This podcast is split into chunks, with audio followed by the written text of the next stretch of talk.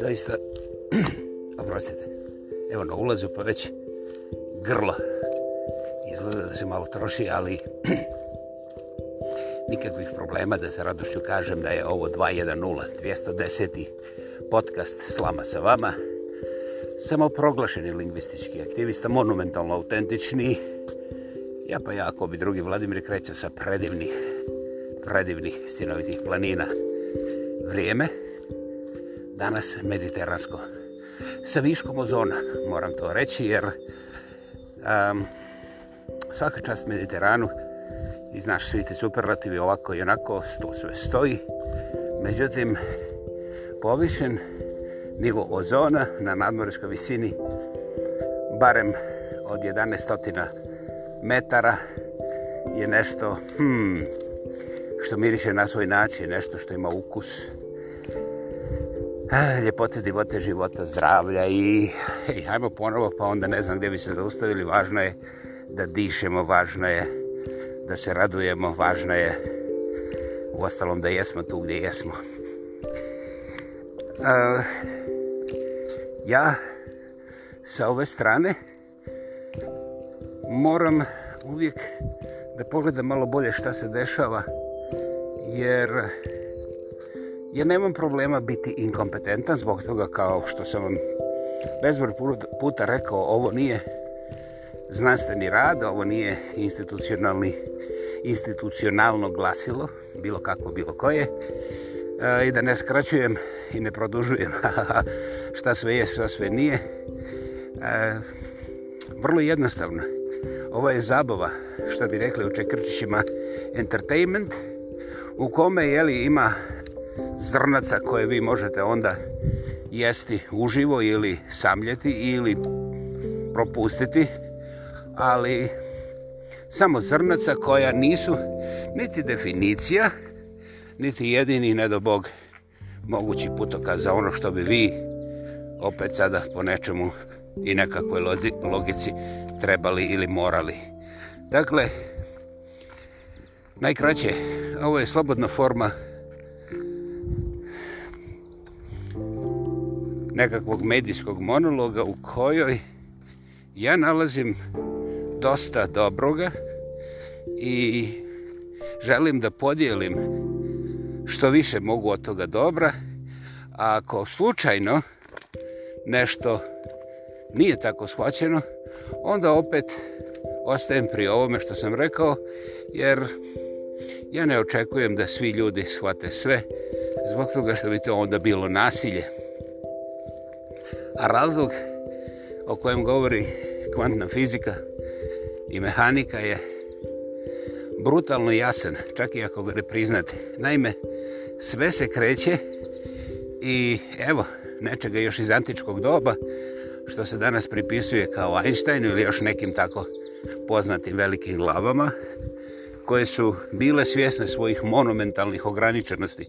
Dakle, ja ne negiram njihovu genijalnost, ali upravo zbog te njihove genijalnosti oni su doista bili svjesni svojih ograničenosti i dobro, sada ta antička kaže nikada u istu vodu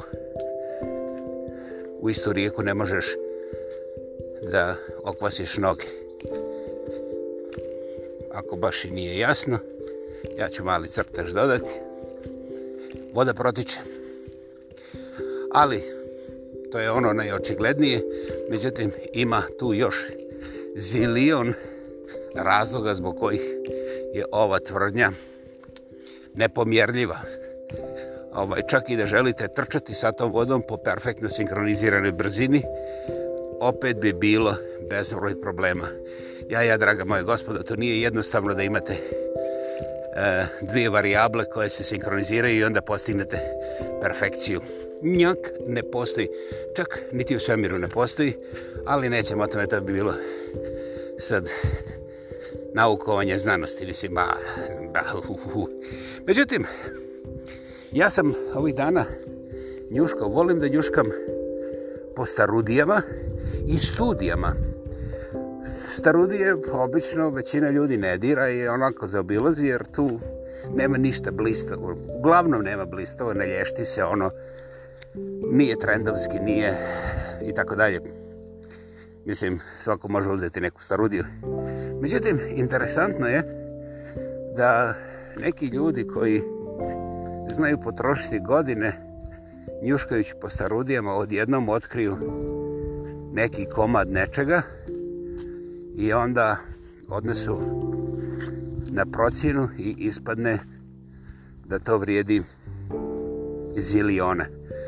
Mm, jedan od detalja koji bih mogao, jer ima takvih bezbroj, bezbroj, bezbroj, ima normalno na tu istu temu dva bezbroja izmišljenih priča, tako da ovaj, ne bi sad ulazili u istražne poglede, ali u svakom slučaju kažem vam da ima i izmišljenih, ali ima i onih javnih, kao na primjer, evo, u zadnjih mjesec dana, ne znam precizno kada, jedan čovac je stavio na, na auksiju svoga Ferrarija, koga je kupio 60. i neke godine i ovaj skupljao mu prašinu i valjda mu trebao prostor, stari čovjek više ga to ne zanima. I kad je vidio kakve su brojke, onda ga je predao ovoj aukcijskoj kući na prodaju. Inače, on je u tog Ferrarija potrošio nekih 200 dolara u to vrijeme. To je recimo današnji ekvivalent od ha, 2 do 3000 dolara. Znači, 60 i neke, 62. valjda godine toliko je platio i onda Kad je sad odlučio prije nekog kraćeg vremena da to proda online, onda je vidio da uh, nude mu strašne novce i onda je predao to profesionalnoj aukcijskoj kući. Uglavnom suma sumarum, taj stari razdrdani Ferrari je skupio cijenu od preko 6 miliona. Hi. Hello, hi. Od preko 6 miliona zelenbaća. Hello. Dakle, to je ono što ja nazivam njuškanje po starudijama. Doista. Doista. Eto, ja znam, taj, taj slučaj je, vidio sam ga i na lokalnim vijestima, tako da sa velikom sigurnošću mogu reći da to ipak nije izmišljeno. Jer e, strast ovih kolekcionara za takvim modelima koji, se, koji su se proizveli, šta je znam, u nekom vrlo, vrlo ograničenom broju, i više se neće proizvoditi nikada je prosto iracionalno i ti ljudi imaju dovoljno novca da mogu platiti sve. A ovaj sa 6 miliona zelenbaća može da kupi dosta sladoleda. Boga mi. Dakle, to je o starudijama. Tu može stvarno iz ničega da iskoči nešto veliko i da promini čovjek u život. Na isti način je sa studijama. Kao starudija, studija ima svakakvih svagdje ja sam pomišljao prije, pa sam svaki put odustajao da neke od tih studija predstavim vama. Ali onda sam hu, u zadnjim momentu, u prednjim momentu, u svim momentima pronalazio toliko nekakvih rupa koje ne moraju biti ništa loše, jel, same posebne, ali eh, sve skupa, mislim, zašto ja da pokrećem bilo kakvu takvu diskusiju, jer te studije se kote preciznije i moćnije i brže od komaraca i virusa zajedno i svaka unešto zabode i vrlo teško da su bespredmetne, svaka ima svoj dosta jasan cilj, ima poprilično jasnoga financijera što nije za zaboraviti i naravno ima onda taj stručno-naučni financijer rezultat ili rezultantu koja je onda objavljena da bi se zvala studija ili odbranjena ili se pojavila negdje ili redom sve skupa. Dakle, studije imaju namjeru da nešto izuče i da ponude ako mogu bolja rješenja ili barem da informiraju nestručnu javnost o nekakvim stručnim alternativama, mogućnostima i kapacitetima, kvalitetima, pa onda redom. Ono što ja imam u svom vidnom polju oko studija je stomak. Naime, posebna grupa studija o hrani, je u stvari plaćena od proizvođača i distributera hrane i onda od prilike ovo je sad moj pogled svakih 10-15 dana kafa je opasna za vas onda nakon 10 dana bez kafe ne treba pomisliti živjeti onda istovremeno mast ubija mislim ono ako priđete blizu masti, ako prođete pored kante sa masti, vi ćete poluditi od mastofobije ili ne znam čega tako nečega. Znači, znači bježite od masti ako možete na drugu planetu. Dva dana kasnije, znate šta, šećer je strašno opasan. Mast može da zamini sve šećere jer šećeri su potpuno prazni. Samo dobro zvuče i nizgrlo guče, ali mislim, strava, bježite na četvrtu planetu, ne valja. Sad već znate o čemu se radi. Dakle, onda čovjek dođe u jedan ritam, u jednu inerciju gdje su sve studije, studije, ha, dosta mi je i toga, studirajte ko hoće. Međutim, to nije samo greška, to je intelektualni suicide, samobojstvo i ja bih predložio da pogledate oko sebe.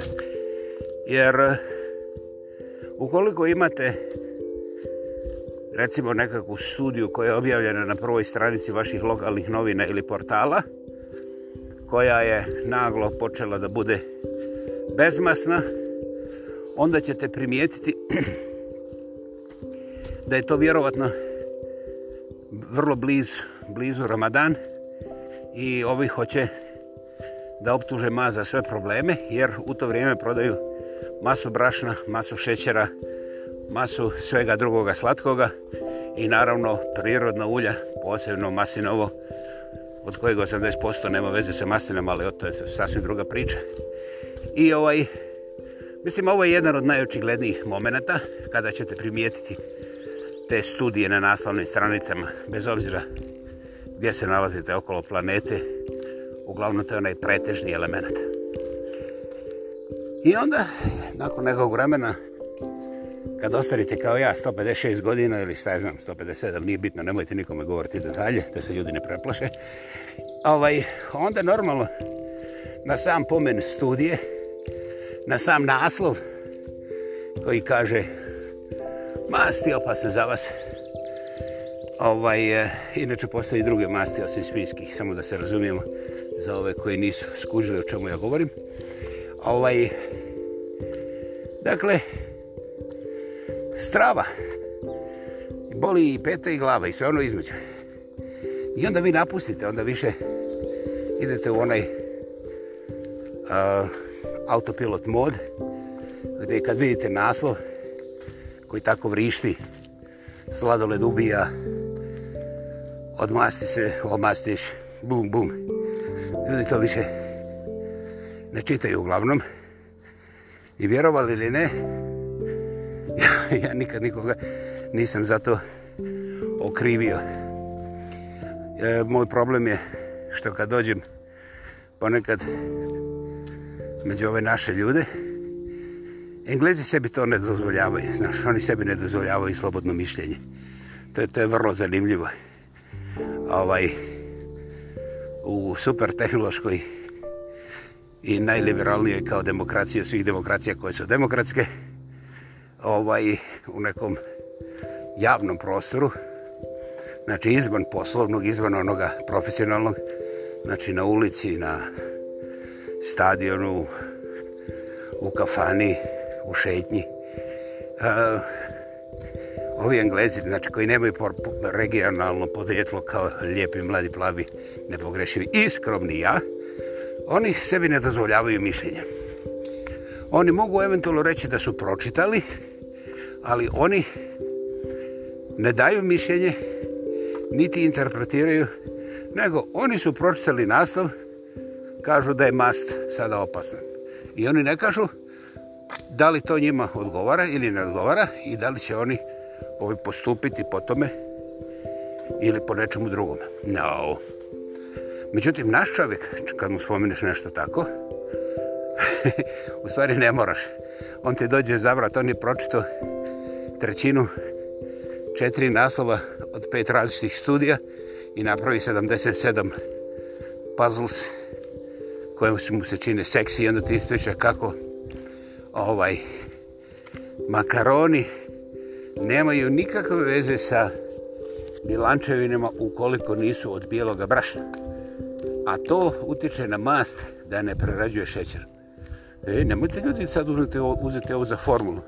Međutim, ja sam ovo stvarno čuo i to ne jedan put, zato sam i zapamtio. Dakle, naš čovjek je rođeni naučnik sa znanstvenim pobudama. Nema šanse da naš čovjek se ne zakači za nekakav naslov, bez obzira koliko on treći razredni bio i onda da ti ovako docira jer on smatra da postaje docent kad docira sa svojim hrkljuš gledanjima sa strane.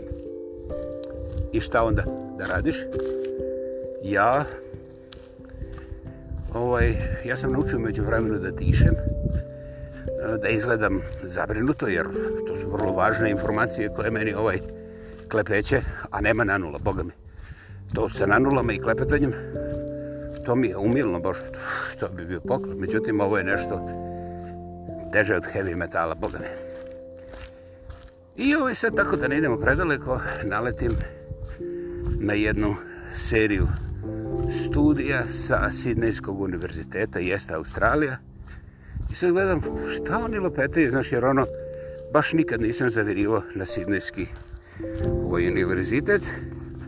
Pa sad ono, znaš, da vidim koje studije, jer to odmah znači, ako navijaju za mast, onda ih financiraju ovi proizvođači masti ili industrija hrane koja ima pretežno masta, recimo ne šećer, eto, tako grubo govorići.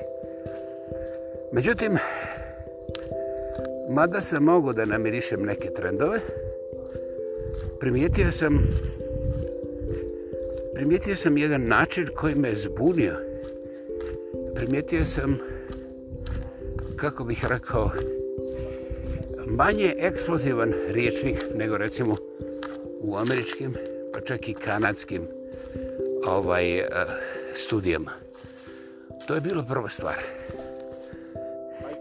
I, I won't rob you now, next time. Right. Because you, you, di you didn't bring cash, yeah? No cash. No cash on me. Next time, bring the cash because I, I can't be successful thief. Thank you for understanding. Thank you. Ovo ovaj, je, ovo je bio pokušaj pljačke slučajnih prolaznika u šumi u parku. Mm -hmm. Dakle, prva stvar, to možete uzeti sami jer ima strašno puno studija uh, sidneskih Eh, univerziteta. Eh, možete upisati doslovce hrvatski, tako pa ćete doći do masu tih downloadable studija. O svemu i svačemu.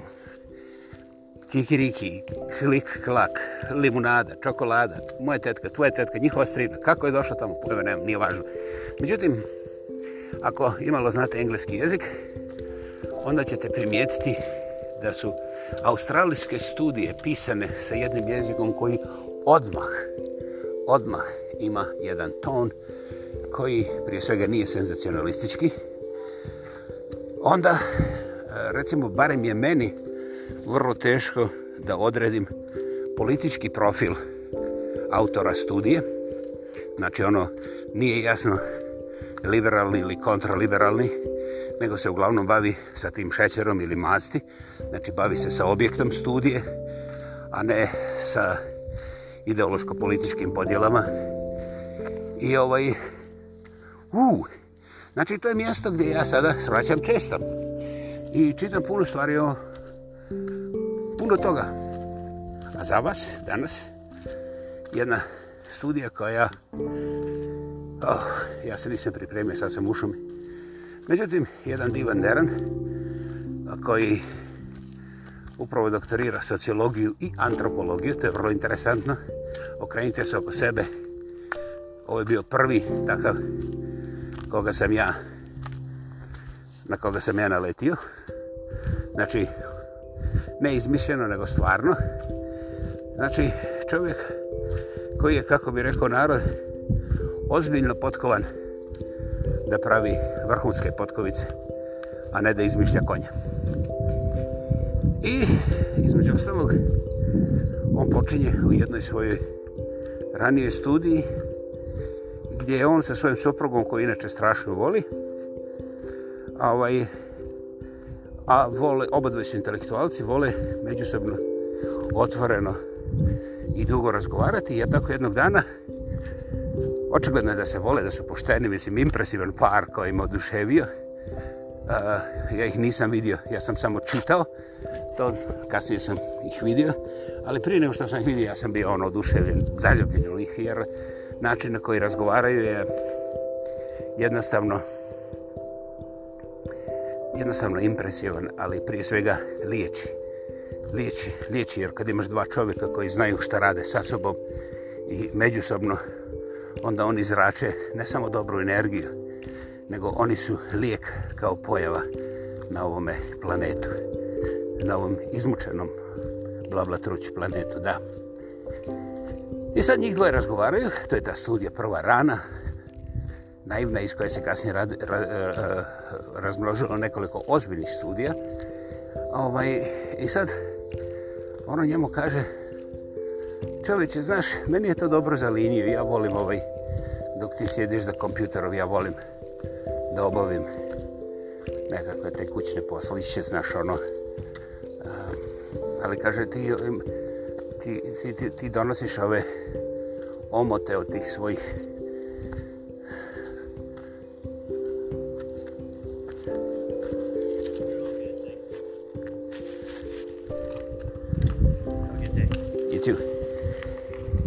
ovaj,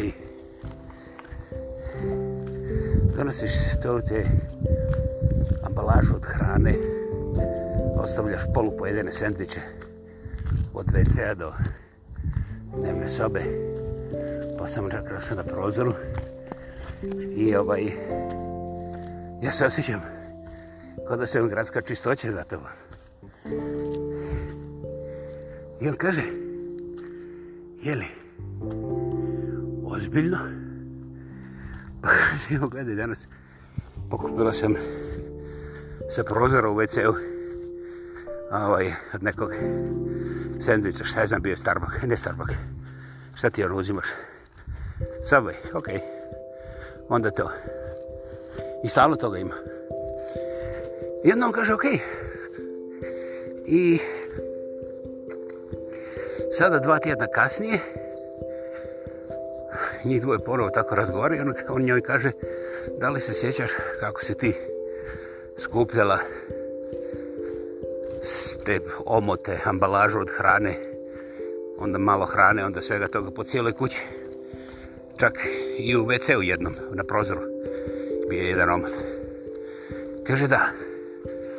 E, kaže ono, vidiš, prošli 15 dana, ja sam i fotografirao i zapisivo svaki svoj obrok i gdje sam ga kupio, gdje je otišao omot, šta sam uradio s njim, i da li sam očistio poslije sebe. Pri tome me nije bilo briga da li će stvar izgledati ovak ili onako, nego jednostavno da vidim sebe, šta je radim, kako se ponašam. Ali, prije nego što ja ovaj, tebi kažem moje rezultate, ja bih tebe zamolio da osvijetli onoga što si mi rekla prošli put. Ako se sjećaš, da li ja razbacujem te tu ambalažu i hranu svuda po kući. Kaže, znaš šta, ja nisam primijetila nikakvu razliku, osim što više nisam u WC-u našla ovaj taj omot, ali vjerovatno i to bilo slučajno. Kaže, on gledaj, evo, ovo su i sad on izbaci na ekran, evo, ovo su rezultati. U pravu si, ja inače sam sam sebe šokirao da je omot ostao u WC-u, kako, ko zna, ne mogu objasniti. Međutim, ja u kući nikada ne jedem više od jedan put dnevno. Dakle, mogućnost da u jednom danu ostavim četiri e, ambalaže od nekakvih sendviča na četiri različita mjesta, kao što vidiš, vrlo malena. Kaže ona njemu, pa nisam ja tebi govorila da je to u jednom danu, nego to, to je ono što sam ja u jednom danu očistila. Kaže, e, idemo dalje. Kaže, u cijelom tjednu Najveći broj ambalaže koji je ostao iza mene, a nije bio dirnut, je... Hi, welcome. Dakle, ja nisam mogao u cijelom tjednu, obzirom da na putu prema kući uzmem uvijek neke od tih mojih omiljenih sendviča, znači ja sam mogao maksimalno da donesem pet tih ambalaža, međutim, ti kažeš da je u kući nikad nije bilo više od četiri. Mhm. Da, evo, ponovilo se. Znači, moj običaj, maksimum četiri. Jedan, obično ostavim tamo gdje jedem, to je u Starbucku, zato što od imaju onaj boks plastični koji nije dobar za nošenje, ne mogu ništa s njim da radim u autu. Pa onda uzmem taj sandvič u ruku i salvet, a ne diram tu ambalašu. Eto, Uglavnom, njih dvoje su počeli onda ozbiljnije da razgovaraju o tim utiscima, percepciji, ko čisti za kim. I došli su do tog zaključka da je njegova supruga koja njega strašno obožava i voli i podržava i radi i nema nikakve probleme, da je ona uvjerena da ona obavlja barem 80% svih tih kako kažu englezi, chores, znači ti kućnih poslova, uklanjanje te ambalaže, sklanjanje čarapa, pranje posuđe i šta je znam, odaberite već. I onda je on stavio to isto pitanje ispred sebe, šta on radi po kući, i onda je došao pred njim i rekao, znaš šta, ti si stvar uvjeren, on kaže, da, je, 100%. Ti si uvjeren da obavljaš 80%. Ja kažem, ali ja živim pod dojmom da ja ako nisam na, na, na 80% od svih tih kusih poslova kao ti ne možem, ne, ja bi se zakleo možeš me ubiti da ja nisam ispod barem 70% možda 70% od tebe ovaj, malo spori da neke stvari uradim, ali eto i sama znaš perem suđe, sklanjam čarape postavljam cipele i tako dalje i tako dalje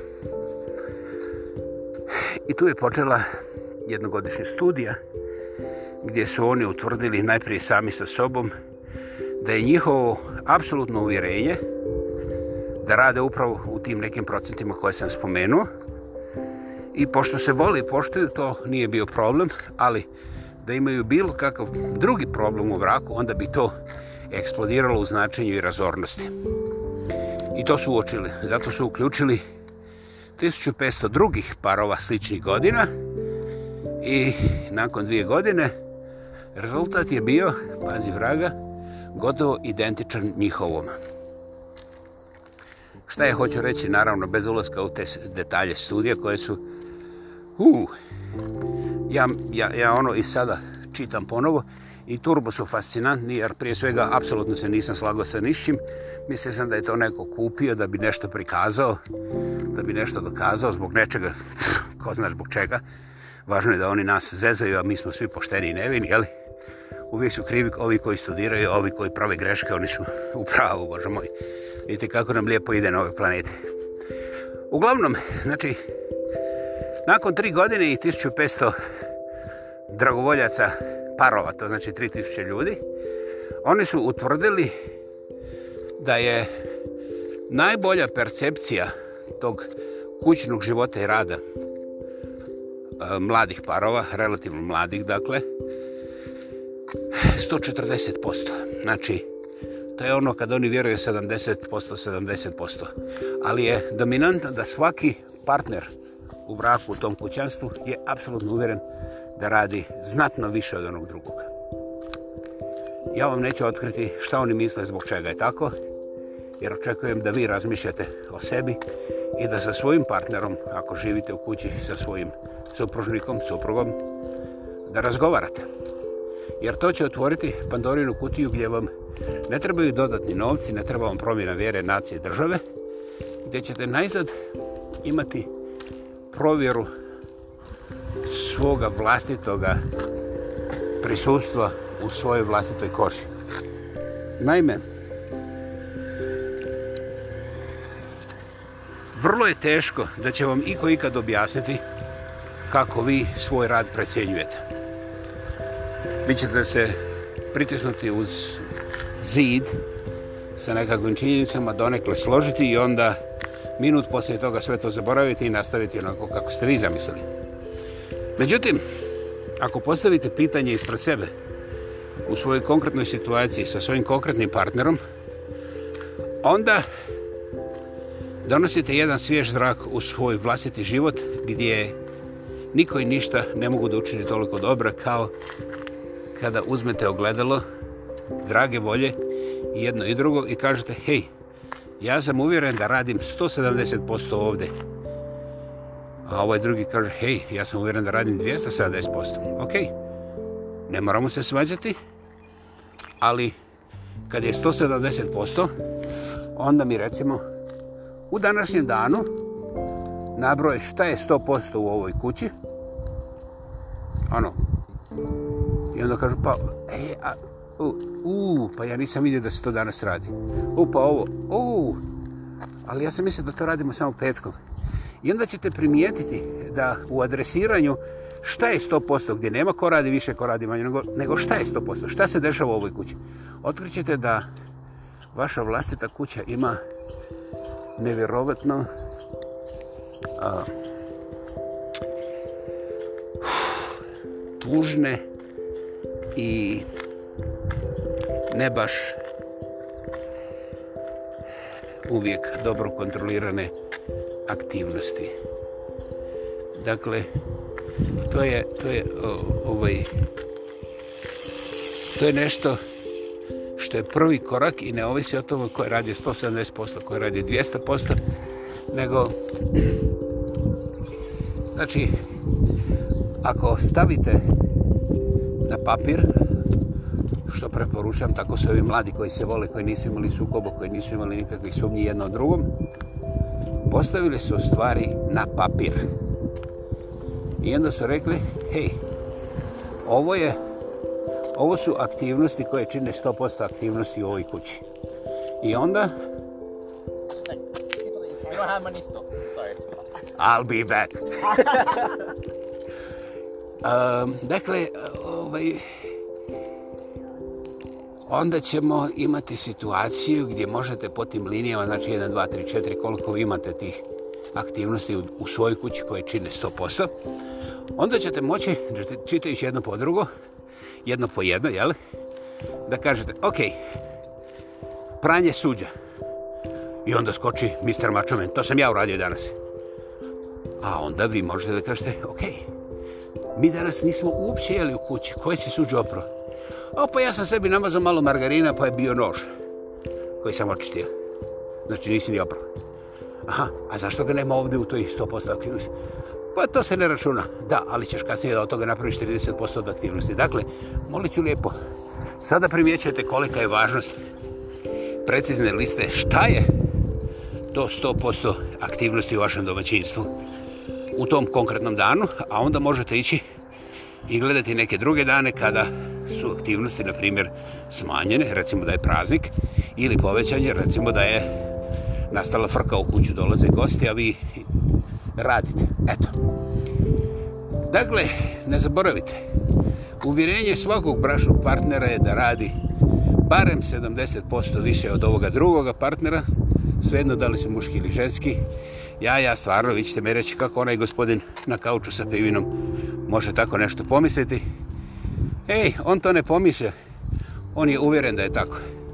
Međutim, postoji način u ljudskoj komunikaciji s kojim vi možete vrlo, vrlo kvalitetno da stavite stvari u kontrolu i da promijenite svoj život na bolje. Sada je na vam, ako hoćete ono što kažu englezi blueprint, javite mi se na moj e-mail, ja ću vam dostaviti studiju. Inače, studija je prilično opširna i dugačka, pa ja onda nisam čak ni pominjao detalje, jer meni je važno da kao princip ovako nešto se prvi put pojavilo pred mojim očima, stručno istraženo sa potpisom ozbiljnog univerziteta, a ne neke političke stranke. Dakle, gospodo moje draga, dobrodošli u još jedan fantastičan pokušaj boljeg života. Imate sve u svojim rukama da ovo je božanska šansa koja vas ne košta ništa osim da mrnete svoju vlastitu guzu i ne morate nikome reći šta ste doista učinili. Bila je to 210. slama sa vama. Ja pa ja, ako bi drugi vladime kreća sa predivnih stjenovitih planina, hvala vam, hvala, hvala, hvala, moj naklon želim vam predivan dan u radosti, sreći, uspjehu, zdravlju i svemu najljepšem. Ne zbog toga što sam fin, nego kad je fino vama, ljudi moji, onda meni jednostavno ne može biti loše. Dakle, širite dobro oko sebe i to je upravo onaj eho koji će vam se vratiti. Često puta i bolje. Fercera, tetke mi. A vidimo se prije nego što se čujemo. Ćao! Thank you.